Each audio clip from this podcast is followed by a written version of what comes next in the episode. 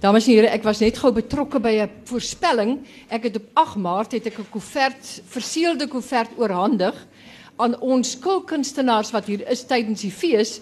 En ons het sopas daai koevert oopgemaak en die man het 3 uit 3 voorbladberigte van die burgerreg gehad.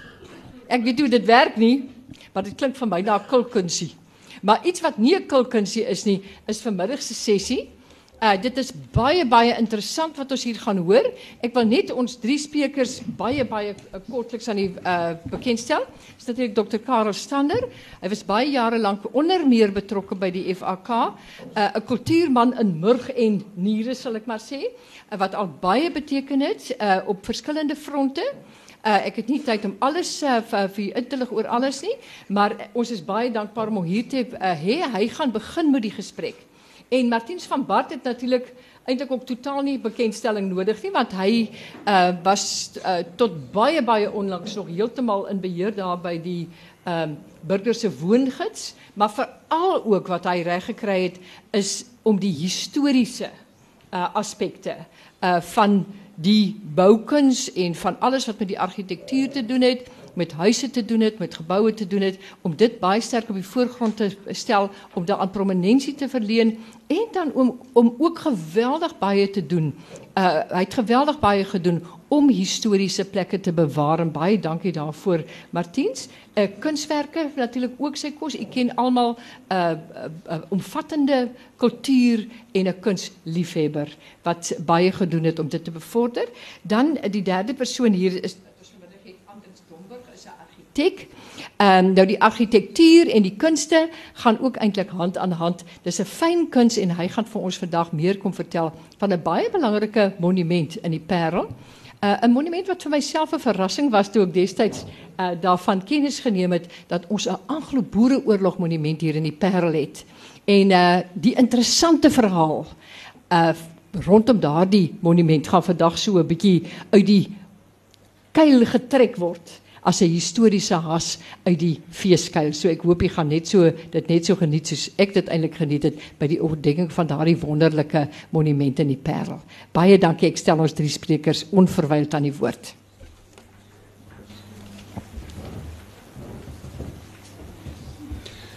Uh, professor Dorothea, baie dankie vir die geleentheid. Mag ek maar sê dat jy's beskerm vrou van ons monument, jy en Ton Vosloo. As jy beskerm heer. Dames en here, hulle het vir ons tyd gegee. So ek gaan ek is nou nie iemand wat kan klas gee nie. So ek gaan teksgebonde bly om deur die tyd te kom. So as jy nie omgee nie, daar is skuifies wat u kan volg en ek gaan sommer dadelik wegspring. De, wat die agtergrond betref, tydens die inhuldiging van die Kasparis Hildebrand Monument deur Dr. D.F. Malan op 16 Desember 1940 te Kraalbosdam, Darling, 'n boerekryger wie 60 km vanaf Kaapstad swaar gewond is en in 'n ertvat ertvatkat gesterf het, verwys hy na die ereskuld wat aan die Kaaplanders verskuldig is. Hierdie ereskuld is vir hulle steun aan die boerekrygers van die twee boererepublieke in die noorde, Transvaal en Vrystaat in hulle stryd teen die Britte tydens die Anglo-Boereoorlog van 1899 tot 1902. Sanlam Trust stuur op 212 jy moet verskoon die datums want ek wil die dinge half in 'n historiese perspektief hou so ek moet ongelukkig soos geskiedenis moet ek nou 'n paar datums aanhaal. Sanlam Trust stuur op 21299 'n brief aan die FHK oor die oprigting van 'n Anglo-Boereoorlog monument wat voortspruit uit 'n testamentêre bemaking van wyle PR om Pultjie de Villiers. Daar is egter geen voorskrifte oor waar dit opgerig moet word nie. Die testament Ehm um, van Wyle PR om Paultjie de Villiers laat op 14/11/1951 let wel daardie tyd ons vermoed hy was ook die dag by die by die toe dokter Malan gepraat het. Het hy 5000 pond nagelaat en die woorde presies in sy testament het gelei Anglo-Boeroorlog monument nog te worde opgerig 50 jaar vanaf hede En dit was op 14/11/2001 was 50 jaar verby en toe het hierdie 5000 pond ek ek het uitgewerk en samengestelde rente van 7% ongeveer gegroei na 440000 rand wat nie verskriklik baie is om 'n monument op te rig nie. Daarom moes ons van dit sit die argitek later oor praat van die koppie gebruik maak om die natuurlike omgewing ook in in, in ag te neem. Myself het namens die FHK vergader op 17 April 2000 met Sanlam Trust wie die bemaking administreer in sake die plek en die befondsing van die ABO monument. Die bemaking sou eers op 14/11/2001 toeval en oprigting van die monument kan dan eers in aanvang neem. Sanlam Trust se brief van 25 Mei 2000 dui aan: Die monument moet egter in die Wes-Kaap opgerig word, nie noodwendig in Stellenbosch nie. Dis die plek waar Wyle om Pultjie begrawe is en ek vermoed die Marees van Stellenbosch, dit was dit was sy familie gewees. Dan die begin van die proses Op 24 Augustus 2000 word 'n eerste verkennende gesprek met 'n paar kultuurleiers gehou, onder andere Wyle meneer die argitek hier van van Stellenbosch, meneer Meyering. Daar word besluit op 'n dingskring om oor die aard en plek van die monument te besin. Op 10/11/2000 word 'n vergadering met die Universiteit van Stellenbosch gereël waar 'n aantal historiese, kultuurkenners en beroepslui onder andere argitekte teenwoordig was. Die doel van die byeenkoms was die die insameling van idees vir die ABO monument en om 'n geskikte plek daarvoor te vind. Ehm um, verskeie opsies word oorweeg. Onder andere die Toesloof pas Gedurende die periode uh, Desember 2001 tot Maart 2002 verskyn daar egter 'n aantal berigte en briewe in die Afrikaanse media en die burger wat beswaar maak teen die Toysloof as ligging vir die monument. Oh, dit is die ons is nog by dieselfde skuifie. Die trustees doen verder navorsing en Martiens van Bart ontdek laborie met die historiese Eikebosse piknikterrein waar die vroue in 1902 keer vergader het en teen die Britte se oorlog teen die Boerderepublieke beswaar gemaak het om ook 'n petisie en ook 'n petisie na koningin Victoria gestuur het. Versoeke van ander plekke vir die oprigting van die Abu Monument het van 18 dorpe en instansies uit die sowat 200 dorpe gekom wat aanspraak maak op grond van die feit dat hulle dorpe meer vegtende Kaapse rebelle opgelewer het as die Parel. Nou jy weet hierdie hierdie soort van goed ontstaan mos maar. So ehm um, dan ons het toe besluit ons moet 'n deursigtige proses volg. Op 1/2/2002 word in oorleg met Sanlam Trust besluit dat 'n deursigtige proses gevolg sal word en word 'n stel riglyne opgestel in belangegroepe wat belangstelling aangedui het gevra om voorstelle in te dien. Op 9 April 2002 ontvang die FHK 'n brief van Sanlam Trust waarin aangedui word dat 'n bekende historikus van Stellenbosch die voorstel dat die monument by die nasionale vrouemoond te Bloemfontein opgerig word steun en dat hulle daarmee akkoord gaan. En jy kan weet dit was vir ons 'n verskriklike slag geweest. Vervolgens word 'n stel riglyne opgestel waar teen die 18 voorleggings wat ontvang is beoordeel en deur die FHK geverifieer word. Op 10 April 2002 word 'n vergadering van die loodskomitee Sanlam Trust en die FHK Gebiedskultuur Weskaap te Belwel gehou. Sanlam Trust stem in dat die besluit oor Bloemfontein as plek heroorweeg kan word. Dit was vir ons 'n groot deurbraak toe ons dit kon regkry want dit was amper 'n voldonge feit dat die monument Bloemfontein toe gaan. Oorweging van die plek, lede van die loodskomitee lewer oortuigende motiverings waarom die monument in die Weskaapse omgewing en wel op Laverie moet kom en dit word so deur Sanlam Trust en die FHK aanvaar. Die Laverie landgoed bied sekuriteit, toegangsbeheer en instandhouding van die gronde en dit gee die deurslag. Volgens professor Frans Johan Pretorius van Universiteit Pretoria is hy van mening dat laasgenoemde faktore belangriker is as die historiese korrekte plasing van die monument. Dit het nie gegaan oor hoeveel rebelle die dorp opgelewer het, gaan oor die instandhouding permanent.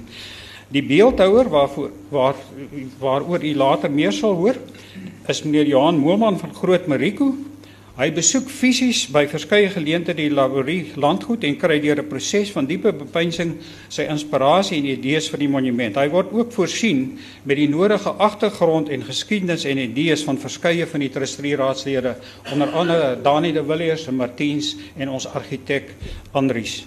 En ons het vir prof, professor Kief Dietrich gekry om uit 'n kunshoek vir ons hierdie beelde te beoordeel. So ek kan vir u sê dat hy uit ook daarna gekyk en hy was tevrede. Goedkeuring deur die KWV, 'n brief van die KWV internasionaal in Maart 2003 word ontvang waarin hulle goedkeuring aan die ABO Monument Trustees verleen om voort te gaan met die registrasie van die servituut en verlof tot parkering en toegang. Dit is baie belangrik. Uh, toegangsbeheer. Dit help nie jy sit met 'n servituut en jy jy kan nie toegang tot die tot die plek kry nie. Sanlam Trust in 'n brief van 26 September 2002 deel die loodskomitee mee dat ons kan voortgaan met die oprigting van die monument op die granietkopie te la, te laborie soos besluit. Hersonering en dit is waar die groot tyd in beslag geneem is. Die proses van opmeting, hersonering, impakstudie, argitekspanne en die goedkeuring kan ek vir sê 9 regeringsinstansies. Dit moes tweemaal by landbou, Weskaap Landbou, Nasionaal Landbou en by omgewings tweemaal gedien het.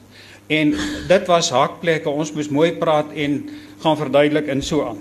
So dit het 2 jaar in beslag geneem. Weens verskeie klagtes wat meneer wat van meneer Ewenel Strand by die direkteur van openbare vervolging gelees onder meer oor die wanvoorstelling, misleiding en wanaanwending van publieke fondse gee die direkteur van openbare vervolging opdrag aan inspekteur W. Olivier om die saak te ondersoek. Inspekteur Olivier berei daarna 'n verslag aan die DOV voor wat moet besluit of daar 'n kriminele klag teen Dr. Stander as voorsitter van die trustieraad gelees sal kan word. Na oorweging van die stukke besluit die DOV dat daar geen rede bestaan vir die lê van enige klagtes teen die trusteesraad en dokter Stander. Uh ek kan weet dit was maar vir ons 'n pynlike tyd daardie. Dit was 'n stryd uh en uh, nou ja, ek wil nie daaroor uitbrei nie. Ons wil oor die positiewe dinge vandag praat want hy is vandag daar die monument. Die inhuldiging Die ABU monument word op 17 September 2005 ingehuldig waar ongeveer 300 persone teenwoordig was onder andere lede van verskeie kultuurorganisasies asook vyf afstammelinge van John Tege Yabawu, 'n swart koerantdikteur wie se koerant gesluit was uh, deur die koloniale regering omdat hy die boererepublieke goedgesind was. Die simboliek word beskryf in die oriënteringsbiljet onder die afdak op die ABO terrein en 'n afsonderlike kleerbos hier is beskikbaar by die KWV. Ek het dit nou vir u uitgedeel. Dit is ook by die pro lokaal by die lab, eh, by laborie waar jy 'n sleutel kan kry as jy wil gaan kyk om dit is is daar. Uh hieroor sal Martiens en Andrius weldra meer toelichting verskaf. En dan wil ek net sê verdere bedrag geld is ontvang van twee uh Stellenbosch donateurs en jy weet ek ek hoef nie amper vir u die name te noem nie. Uh en ons wil vir hulle sê baie dankie want ons kon toe die ding omheen want dit was gevandaliseer en ons kon ook 'n toegangspad uh, daar lê. So baie dankie. Dit is so 'n bietjie geskiedenis en ek hoop u die geskiedenis verveel nie, maar dit dit dit was vir ons nog al 'n pad om te loop. Baie dankie.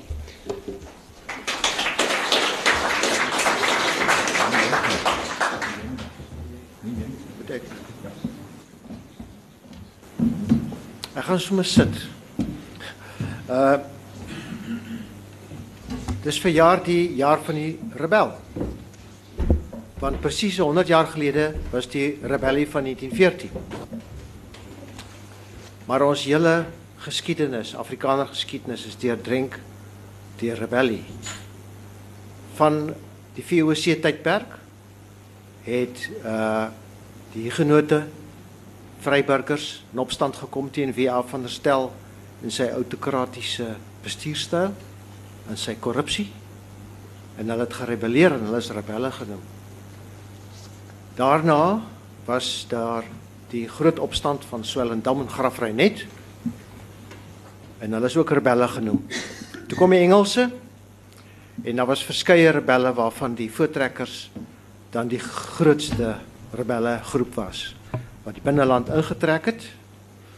Engelse het agterna gesit En sover as wat hulle die binneland mak gemaak het, is dit geproklaameer vir Groot-Brittanje. En wanneer die boere, soos hulle later bekend geraak het, in opstand gekom het teen hierdie vermetelheid, uh is hulle rebelle genoem en was daar verskeie gevegte waarin onder meer die eerste Kaapse rebel as sodanig ter dood veroordeel is voor die Bloemfontein se destydse stadshuis Thomas Dreyer. En hy's daar doodgeskiet en hy's begrawe in 'n onbekende graf, soos Gideon Skeppers later in die Anglo-Boereoorlog. En dan het die grootste rebellie in die Engelse se oë uitgebreek toe die eerste Vryheidsoorlog in 1880-81 plaasgevind het. En dan die Tweede Vryheidsoorlog in 1899 tot 1902. En na eniewording toe die empire gedink het hy sit baie stewig in die saal, was daar in 1914 weer 'n rebellie. Nou ja, as ek kyk hoe Stellenbosch die afgelope tyd wemel van die Afrikaners wat kom oor hulle taal en hulle kultuur saam staan en saam praat en saam luister en saam juig. Uh en weerwil daarvan dat Afrikaans oral doodgedruk word, dan sê ek, "O, die rebelle leef nog. Hier is ons. Mooi skoot, hou so aan." Ehm uh, en dan is die monument op Laborie 'n baie heilige plek vir ons. En een en almal wat hulle self Afrikaners noem behoort daar het ry te maak en die kinders sin toe te vat in 'n piknikmandjie. Dan gaan sit daar en geniet dit en kyk na die plek. Vat aan die beeldhouwerke. Uh en dan sal jy begin besef waaroor dit gaan. Maar Maria Kopans de Wet wat baie sentraal gestaan het in die Kaapse rebelle stryd teen die empire en sy oorlog teen die boererepublieke het 'n baie mooi boodskap in die middel van die oorlog geskryf en ons het dit gegraveer op 'n steen wat by die ingang van hierdie monument staan.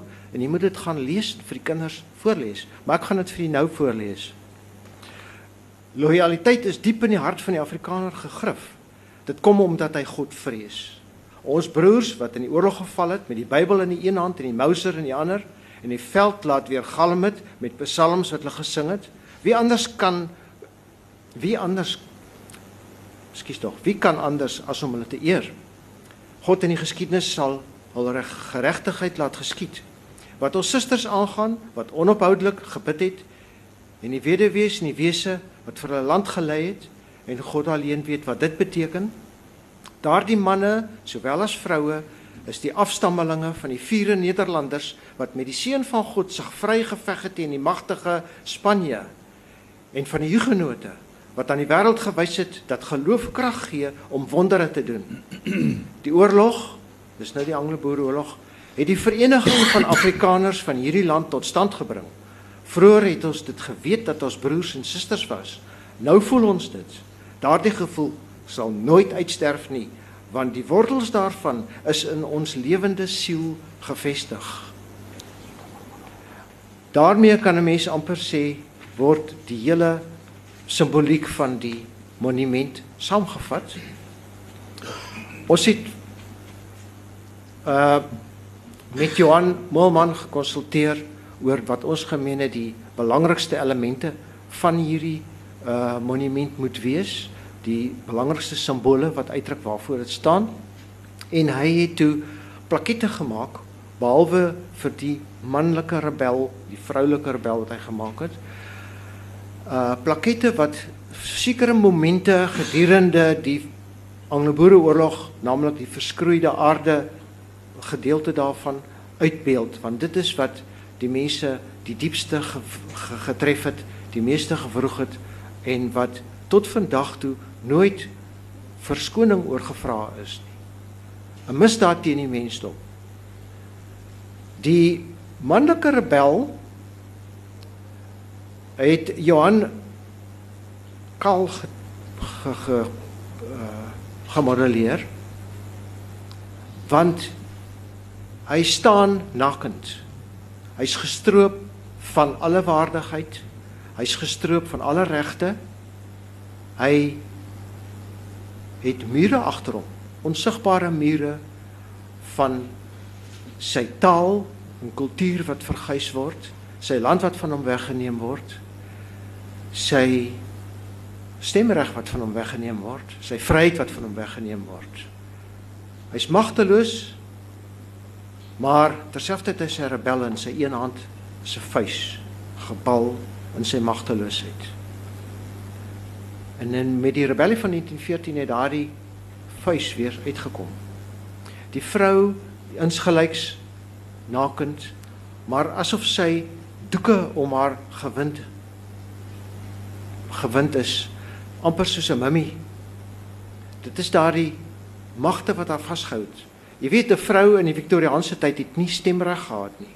Haar plek was in die kombuis en nou sy moes kinders voortbring en grootmaak en die huishouding behartig. Dit was die taak van die vrou. Maar nou moet ek vir julle sê dit is miskien ook 'n uh, bietjie uh elementêr gestel, 'n bietjie ehm um,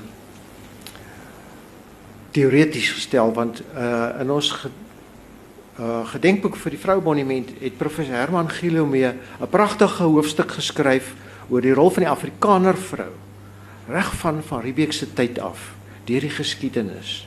En wat 'n merkwaardige verhaal is daardie om te wys dat ten spyte van hierdie sogenaamde sosiale of maatskaplike bande wat die vrou aan bande gelê het, was die vrou steeds die dryfkrag agter die man. Die opvoeder, die hand wat die wieg die wieg vashou, regeer die wêreld as 'n ou spreekwoord en dit kom voor in daardie hoofstuk. Dan kyk ons na die verskillende plakette. Ek kan nou ongelukkig nou nie agter my sien nie, maar kan jy miskien die fotos van die plakette vir ons wys? Hier gaan ons nou in by die by die monument die trappe wat nou opgaan na bo toe en dan ja, gaan maar in tot jy die plakette kry. Daar is die Kaapse rebel, die man, jy kan sien die uitdrukking op sy gesig, die die die spanning, die smart, die vuis wat gebal is, die vrou wat ook sy sy het nie haar hare nie, haar hare is afgeskeer want sy is van haar trots ontneem. Hierso is die van die plakette, die uh blokhuis en doringdraad. Uh dit was hoe die hele Suid-Afrika letterlik deur die Britte uh ingekamp is omdat hulle nie die boere kon pas raak nie. Uh hulle het al langs die spoorlyne hulle blokhuise gebou by drywe en dan waar moontlik het hulle doringdrade gespan als in 'n poging om met dryfjagte die boerekommandos aan bande te lê en selfs daarmee was hulle nie suksesvol nie. Die groter plaket daar toon hoe die Britse soldate beslag lê op mense se eiendom. Hier in die Kaap as hulle die geringste rede gehad het om jou te verdink dat jy nie pro empire is nie, nie lojaal is nie, dan is jou eiendom van jou afgeneem, mense is in die tronk gegooi.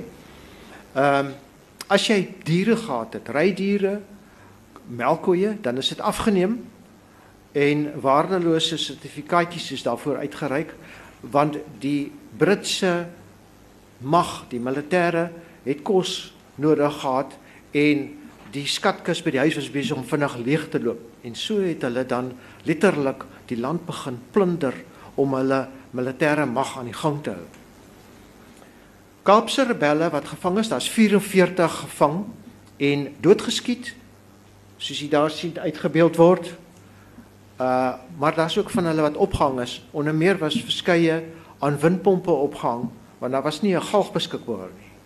Dit hulle maar die naaste windpomp gebruik en die gemeenskap is opgekommandeer om die doodsvonnis parades by te woon en die teregstellings moes deur die manlike familielede bygewoon word. Uh hierso het ons die konsentrasiekampe op linkerkant wat ons almal weet die aklighede wat daarin verbonde was, mense wat dood is aan van honger, siektes, ontbering waar hulle saamgehok is. En aan die regterkant wat die, die uh kampe voorafgegaan het, die opruiming van die plase, die afbrand van die plase, plundering daarvan. Ja, en dan die vee selfs wat uitgeroei is. Jy kan sien daar word die agtergrond die vee uitgeweel. En die eerste rebelle uh sigbare rebelle teenstand was van vroue. Vroue sonder stemreg, vroue wat nie wat gesien maar nie gehoor mag word nie, het onder leiding van Marie Koopmans te wet begin om oral in die Kaapkolonie massavergaderings te hou en teen die Britse oorlog beswaar te maak. Daar's 'n petisie met honderde duisende handtekeninge na Victoria gestuur, maar sy het nooit ontvangs erken nie. Tot vandag toe het ons ook nog nooit 'n amptelike uh verskoning gekry nie hoewel hulle nou al tot vervelings vir toe vir die aborigines van Australië verskoning gevra het vir wat hulle daar gedoen het.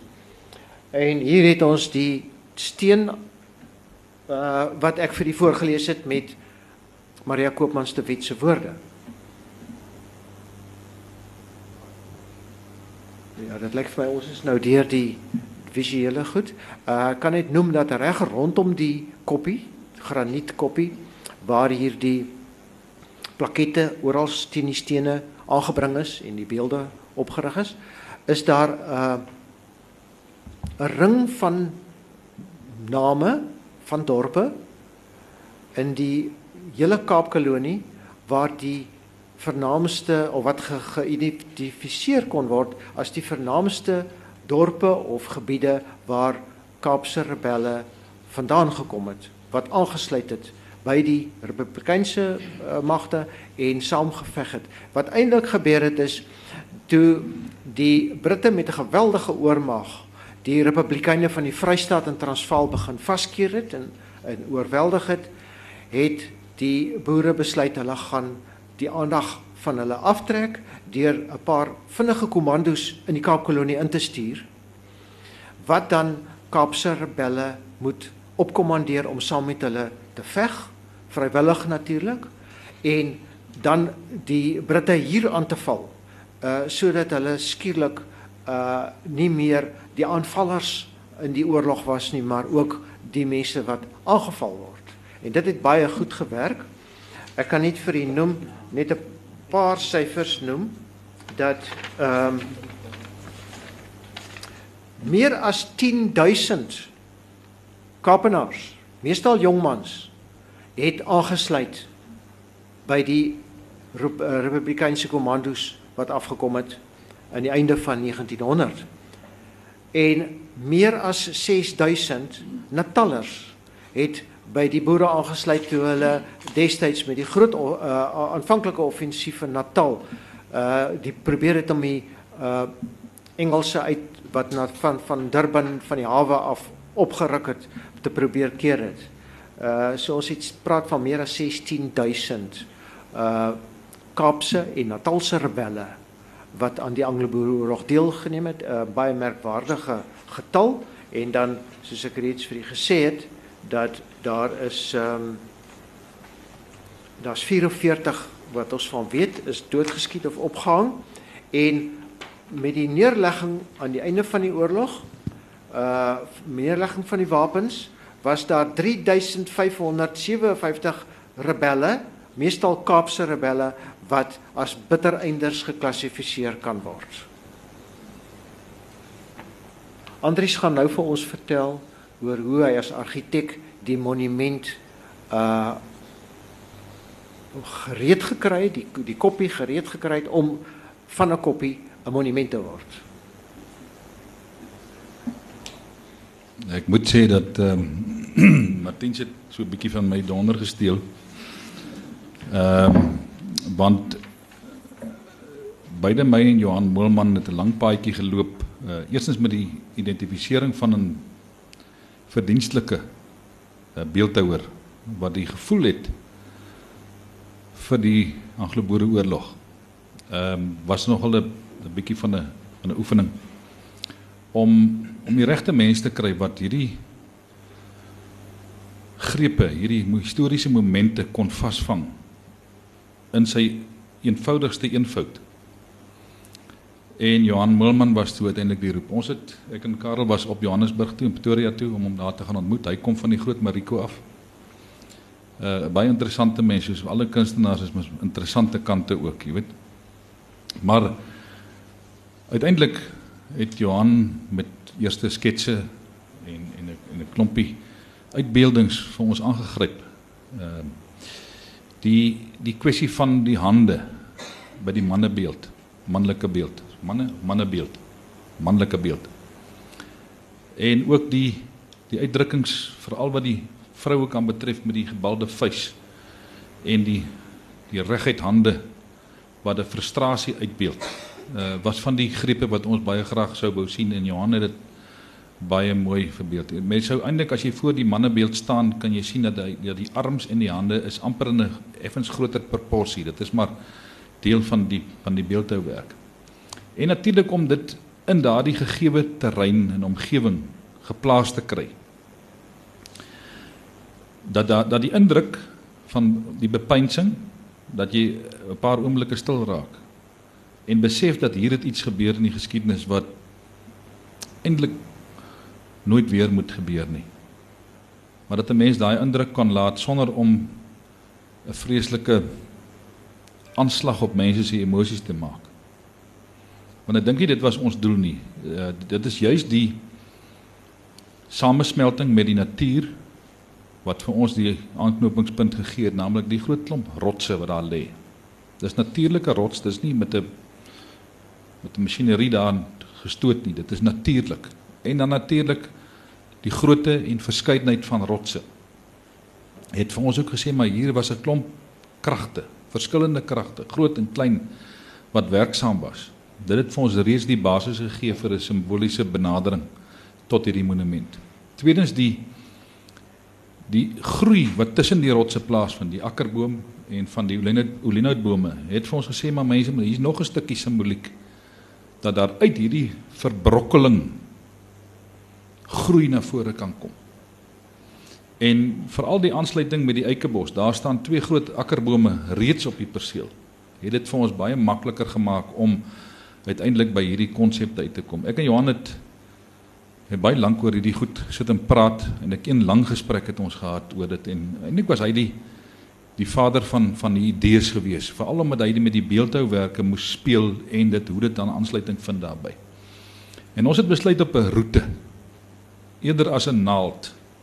Jy weet 'n struktuur wat hoog bo alles uitstaan en eintlik vir jou met 'n face wys of met 'n met 'n skerp punt wat wat wat aksente op dit plaas wat wat ons nie graag wou gehad het nie.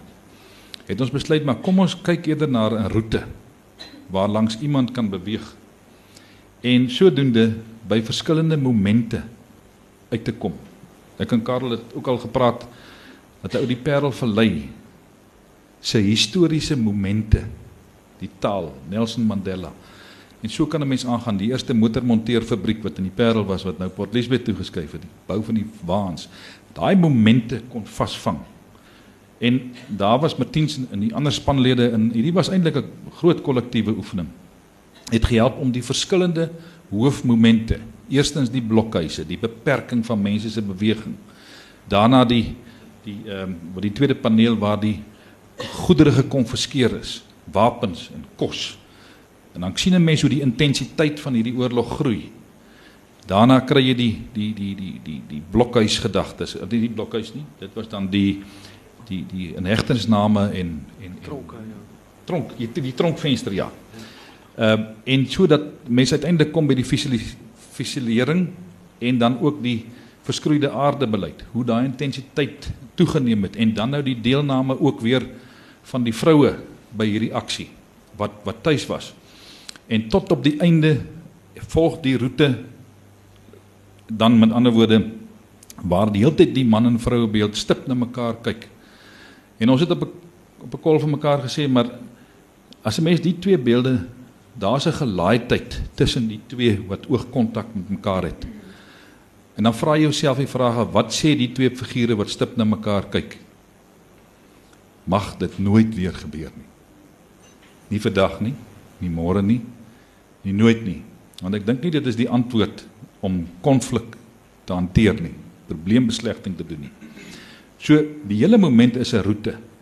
En dan natuurlik soos Martiens ook genoem het, die sirkel rondom die die hele monument is eintlik so 'n stilswygende betreding wanneer jy die monument betree en binne in die sirkel van rebelle kom.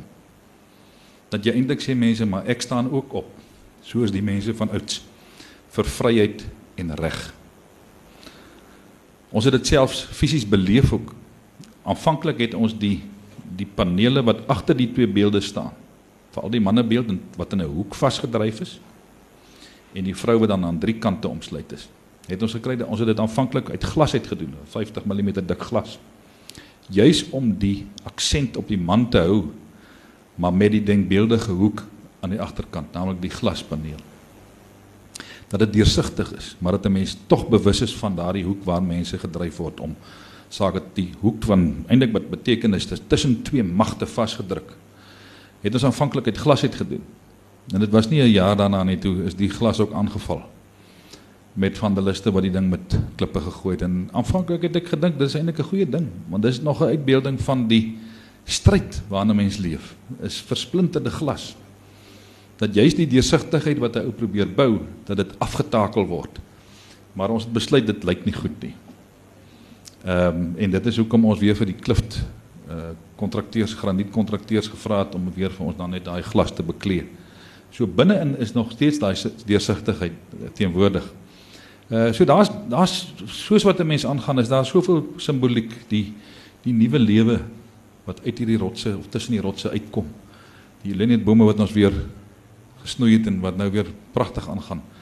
Uh ons het 'n omheining om die, om die plek gesit en ons het die voetpad so intoe dis netjies geplafei dat mense nie deur die modder hoef te ploeter om daar uit te kom nie. Ehm um, alles om die ervaring vir mense deur te gee. Ehm uh, ek hoef nie veel meer te sê nie Karel. Ek Andries, ek, ek wil graag 'n vraag vra. Wil jy nie vir die mense vertel van die dag toe jy die stootskrappers in die laaigrawe daar gehad het om daai rotse stabiel te kry nie? Dit was vir my nogal 'n hele ervaring om dit te aanskou. Ja, jy weet mense mens sit natuurlik wanneer jy met hierdie hierdie fyn goed werk. Ehm um, en dan nou beton gegooi moet word. En dan nou goed geskuif moet word. Ek hoop ek praat van dieselfde ding. Ja, daai groot rotse. Dan verwag jy nou dat elke ou moet hierdie bestaande rotse met die nodige pietyd hanteer. En nie nie maar sommer net die punte afbreek en hier met 'n krywa bo ry en dat daar met respek met hierdie goed omgegaan word want dit is finaal. Jy kan nie teruggaan na 'n rots om sy mos weer terug te sit nie. Daar is prosesse, jy doen dit met jogurt. maar uh, maar maar maar daar's soveel deernis wat jy eintlik soek by rou konstruksiewerkers om dit vir jou te doen. En natuurlik die tekstuur wat ons uiteindelik wil kry op die loopvlakke dat mense wat met rolstoele of met dat mense nie gly daar nie om daai tekstuur reg te kry dan verstaan die ouens nie wat jy eintlik soek nie. Dis maar die die spel wat jy het en natuurlik wanneer die ouens moet moet moet moet grond skuif in in in plekke goed in plek kry dan dan word daar hoofsaaklik maar van groot swaarder masjinerie gebruik gemaak. Maar dit is 'n fyn spel om al hierdie goed bymekaar uit te kry. En uh, daarvoor sê ek vir die kontrakteurs, uh, Rinus van der Sluisele van die Parel, wie ek ook lank bevriend is, ons was saam op skool, dat ons hierdie goed met mekaar kon deel en te sê mense, maar kom ons gesit iets neer wat 'n nalatenskap daai het. Maar die die primêre ding wat vir my as argitek uiteindelik deurgekom het is is my verbintenis met Johan met die trustieraad om uiteindelik te kan sê mense ons kon iets pragtigs daar staan maak. Uh die besoekers wat ons daar kry sê vir jou, ja, ons het dit nie verwag nie. Dit is Kom ek sê dit in Engels en ek weet ek, ek het dalk net 'n gebrek aan woorde op die oomblik, maar ons het nie probeer van dit 'n statement maak nie, 'n standpunt inname. Dit is 'n begeleiding op 'n roete en daar's 'n bankie ook vir 'n stille bepeinsing van wat hier werklik gebeur het is nogal belangrik dat 'n ou dit doen met 'n begeleide toer dat iemand dit wat ons nou vanmiddag met mekaar deel dat jy dit saam met jou kan neem om dan die indruk saam met jou terug huis toe te neem. Mag dit nooit weer gebeur nie. daarmee sluit ek. Kan ek net vir u uh, kortliks iets vertel wat vir my interessant is? Elke jaar trek die voortrekkers hierso in die uh, lente vroeg vroeg lente trek hulle daar saam en uh nie op die op Laborini maar op die voortrekker kampeerterrein ook aan die hang van die uh Parelberg.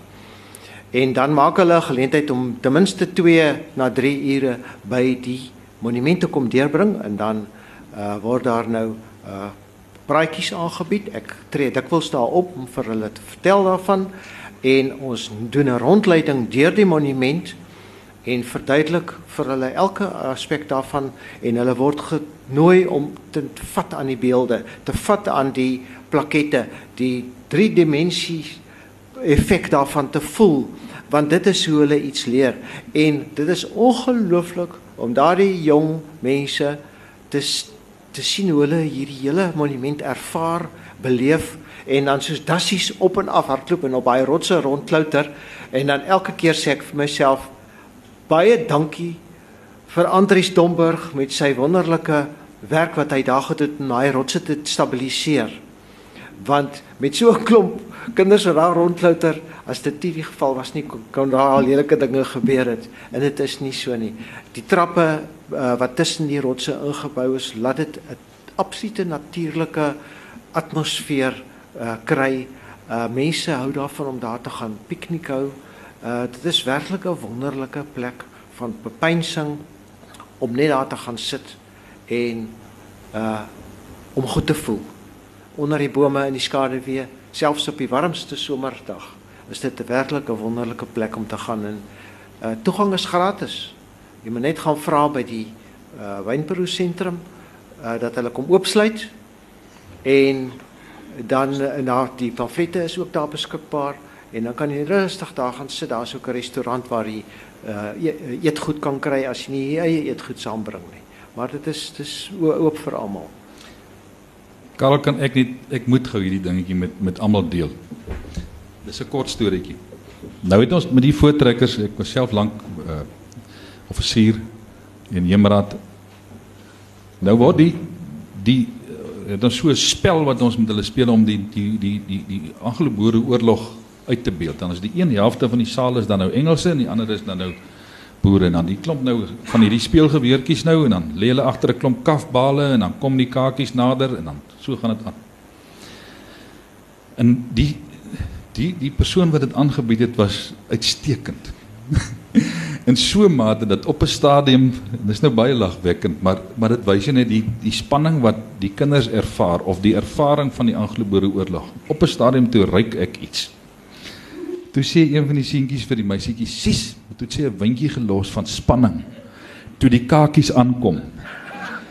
Weet dit en dit was nou dis so iets wat hier binne in my bly en wat die hele tyd saam met my sal wees dat wat moes die die deelnemers aan daardie oorlog nie aan spanning aangevoel het nie. Martiens het op 'n stadium gesê: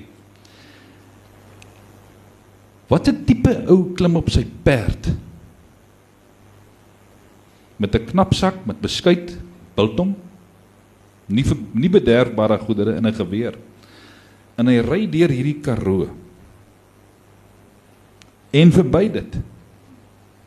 Hy het gesê dit moes seker maar 'n brandewyn en coke squat gewees het wat dit reg gekry het.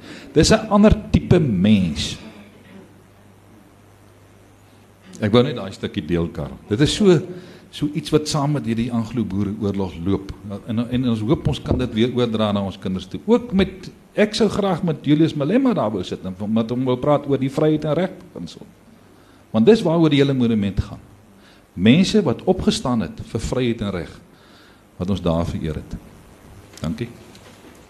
Ja, ek wil net sê uh ek dink die sprekers het hulle baie goed van hulle taak gekwyt. Ons het nog so 'n paar minute vir vrae, maar ek wil tog net sê toe uh, toe hulle my genader het vir beskermvrou, toe ek eers aanvanklik gedink, dis interessant, dis nie 'n monument wat mens sal verwag by die Parel nie. Maar toe begin ek nadink en synde self afkomstig van Graafrenet soos ander mense hier in die in die saal ook wat 'n plek is waar 'n ook wonderlike monument is vir Gideon Skeepers byvoorbeeld. En uh toe ek begin dink, wat is my eie betrokkenheid? My oupa van moederskant het uitgeboer vanweë die Anglo-Boereoorlog het, het by Portewil eie gehad. Van moederskant is Dani Tron is 'n voorsaat van my. Van vaderskant kom ek van Pontak in die Parel. Ek dink dit sit baie nader aan baie van ons as wat ons miskien besef. Nou as begin werklik nadink dan dink ek werklik daardie monumente te uitstekende tuiste gevind. En natuurlik vir my persoonlik dat uh, die Parel 'n plek is wat jy ook assosieer met Afrikaans. Nou dit is my ook opvallend dat hierdie oorlog gegeewe. Dit lyk vir julle tog baie stryd gehad in die aanloop tot daardie monument. Nou mag dit nooit gebeur nie. Ek dink dit het al reeds gebeur en dit gebeur steeds, want as jy nie teen die vandale stry nie, dan is daar allerhande daar is allerhande klippe wat in jou pad as het ware uh, gestoot word ook en wat jy maar moet stabiliseer en omwerk en tot kunswerk uh, verhef hier en die deel maak as het ware van jou hele proses maar die nooit gebeur nie kom die kommunikasie en die nabetragting wat met uh, hierdie monument gepaard gegaan het. Dit is vir my eintlik die die wonder dat dit eintlik 'n kunswerk geword het wat baie bewustelik bedink is. Ek wil gou gehoor of hier 'n vraag uit die gehoor is. Nas Is dit nie so dat daar aan die kant van die Transvaalers en die Vrystaaters die bitterheid teenoor die Kaapenaars was oor die skrale, die skameling van die ondersteuning aan die Anglo-Boereoorlog. En indien so, is daar nog enige reste daarvan? As uh, Transvaaler gebore Transvaaler Johannesburger wat Kaapenaar geword het, uh, kan ek sê ek dit is vir my 'n vreemde uh stelling nie net van u nie, ek het dit al baie gehoor want ek ek kan nie onthou dat my oupa en die ou mense ooit daaroor gepraat het nie. Hulle het met groot entoesiasme en en en, en uh, dit was wonderlik om byvoorbeeld op Kers saamtrekke en nuwejaar saamtrekke na die ou mense te hoor te luister. Uh as 'n kind was ek uh, dis 'n kinders wat gesien en nie gehoor nie. Uh maar dit is vir my wonderlik om hierdie verhale te hoor en hoe mense wat dit self beleef het en self deelgeneem het, vertel dit daaroor. Ek het nooit daarvan ge, uh, geweet nie. My ma was 'n gebore Kaapenaar en my ouma 'n Malang van Groenberg. Uh hulle het nooit na sulke goed verwys nie want daar was so 'n lewendige ondersteuning vanuit Ka Kaapenaars se uh se rigting vir die boere se saak uh op allerlei maniere uh, nie net met die wapen nie maar ook in selfs as jy kyk wat het Marie Koopmans te wet gedoen met die insameling jy weet sy het 100 000 pond ingesamel om vir die kampslagoffers en die mans wat in die oorseese konsentrasiekampe aangehou is uh vir medisyne, kos en klere te voorsien. Ehm um, daar was so en dan nie sê maar uh, sy self ook dat vroeër het ons geweet dat ons broers en susters is, maar nou deur hierdie oorlog besef ons dat ons een volk is, ons is Afrikaners en dit is die indrukke waarmee ek nog altyd groot geword het. Ek het dikwels gekom op die plaas uh, Vlakfontein waar Jameson gevang is in uh, 1896 toe hulle probeer het om die Transvaal die eerste keer met 'n nagtelike inval te oorrompel en hoe die boere afgeslaan het. My ma se familie het daar gewoon en ek het dikwels die storie gehoor van ou Jameson wat daar gevang is en hoe hy daar op die wa gesit het in die reën en hoe een van die kinders gestuur is met 'n sopie uh sherry en hoe hy dit toe sy hoed oor sy oë getrek het en hy gesê I don't want it it it will contain poison I'm sure. uh en ek het net altyd gehoor van die groot bewondering wat die Transvaalers gehad het vir die werk van mevrou Marie Koopmans te Wet daar. Koopmans te Wet huis is daar in Strandstraat is 'n museum, maar as jy sien toe gaan dan sien jy nou niks van die oorlog daarin nie. Dit is net die meubels en dit is nou 'n 1700 of 1800 stadshuis. Uh maar dit was 'n wonderlike uh plek van rebelle bymekaar kom plek met intriges en verhale uh wat ja, sal 'n dag vat om dit alles te vertel. Wil uh, Dr. Karel iets sê? Ons tyd is verstreke. Ander sprekers? Uh, kan ek dalk net sê, ja. uh, ons kry baie buitelandse besoekers en daar is 'n besoekersboek in die prolokaal. En uh al wat ons net vir u wil sê is dis 'n inklusiewe monument. Ons veg nie weer die Engelse Boereoorlog oor nie. Ek wil dit net stel want daar in daai besoekersboek kry jy Engelse, Europeërs, Amerikaners en so. Dit is goed dat ons hierdie feite op die tafel kry, maar dit is 'n uh, inklusiewe ding en dit dit het 'n boodskap om te dra. Baie dankie dat u hier was vandag. Net ja. voor die loop wil ek graag as jy my net 'n minuut gaan vergun. Ek het eksemplare van twee boeke. Uh die ene is Songs of the Veld and Other Poems gedigte wat deur Kaapse rebelle geskryf is. Hulle was joernaliste, ses. In die oorlog toe hulle redakteurs in die tronk gegooi is, het hulle die misdade wat die Britte hier aangevang het, die Britse militêre, het hulle in digvorm geskryf en hulle het daai gedigte uitgesmokkel. Louis Leipold was een van hulle en hy het dit bewerkstellig deur diplomatieke kanale. Dat daai gedigte uitgesmokkel, dit is in Engeland by 'n pro-boer uh drukkery is dit gedruk en wêreldwyd versprei. Die boek is verbied in Suid-Afrika tot ek uh in 2006-7 dit ontdek het, 'n kopie ontdek het in die Gericke biblioteek en ek het toestemming gekry om te herdruk en dit is toe die eerste keer na 106 jaar het dit in Suid-Afrika verskyn. 'n Merkwaardige boek wat ek ook 'n voorwoord en inleiding geskryf het wat van die goed wat ons vandag hier bespreek het, kom hier in voor. En die faksimilie van daardie digbundel is daarin en dit is dis 'n thriller om dit te lees.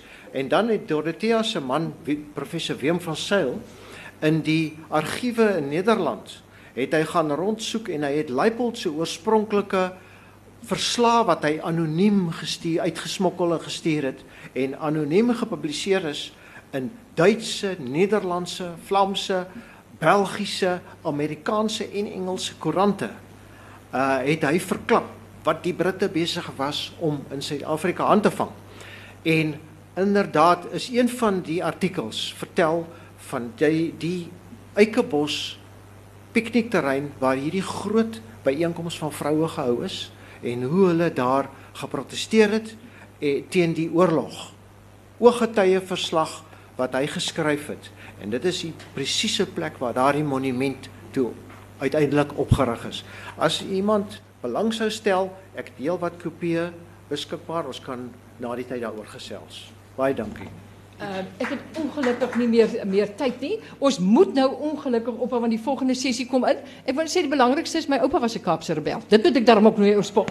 Uh, maar uh, uh, baie baie dankie van ons spreek vir ons sprekers. Ek dink dit was 'n baie fascinerende sessie.